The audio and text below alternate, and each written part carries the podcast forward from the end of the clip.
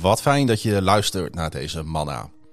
Vannacht zat ik na mijn avonddienst nog even te bladeren in het boek 100 reizen die je leven veranderen van The Lonely Planet.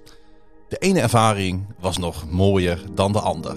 Carnaval in Brazilië, kamperen aan een rots in de Rocky Mountains, een ontmoeting met berggorilla's in Rwanda, onder water zwemmen met walvishaaien in Djibouti of per fiets de Mont Ventoux op in Frankrijk.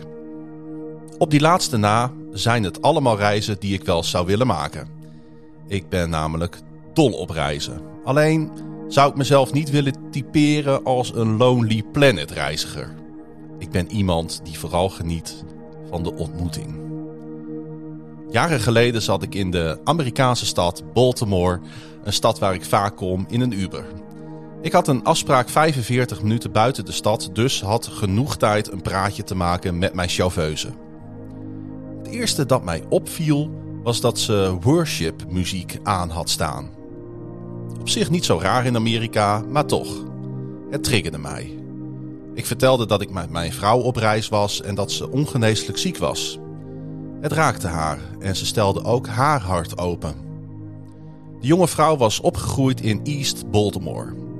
Ik had daar toevallig net een dag eerder een tour gemaakt met een gids in een geblindeerd busje, omdat het anders te gevaarlijk was. Ik kan de beelden zo weer oproepen.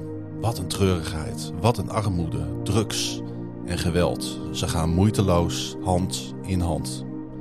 Ook voor de vrouw achter het stuur. Alsof het vanzelfsprekend was, vertelde ze mij dat ze al op jonge leeftijd in de heroïnehandel belandde. Gebruiken deed ze godzijdank niet, maar het was de enige manier om te overleven. Haar ouders waren verslaafd en haar vader was al overleden door een overdosis. Heel normaal in East Baltimore. Het indringende verhaal raakte. Maar ik was ook overdonderd hoe groot het verschil tussen mijn onbezorgde jeugd en die van haar was. Maar hoe was ze dan achter het stuur van deze Uber beland? Door het geld dat ze met de drugshandel had verdiend, kon ze een auto kopen. En die auto was met de komst van Uber haar uitweg geweest uit de wereld van drugs en geweld. Ze kon eindelijk op een legale manier geld verdienen. Tijdens het rondrijden had ze een christelijke radiozender ontdekt. Het maakte haar kalm en langzaamaan ging ze de woorden die ze hoorde ook daadwerkelijk geloven. Ik weet nog dat ik de rest van de dag zwaar onder de indruk was. En ik zal het nooit vergeten. En het leert ook iets. Hoe zwaar je het ook hebt, er is altijd een uitweg.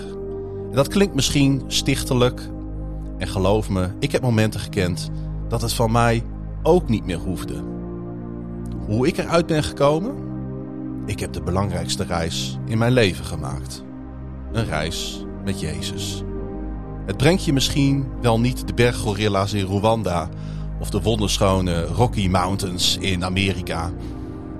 Maar hij schenkt je leven in overvloed. En een ticket voor die reis kost je niets. Hij heeft namelijk al voor je betaald.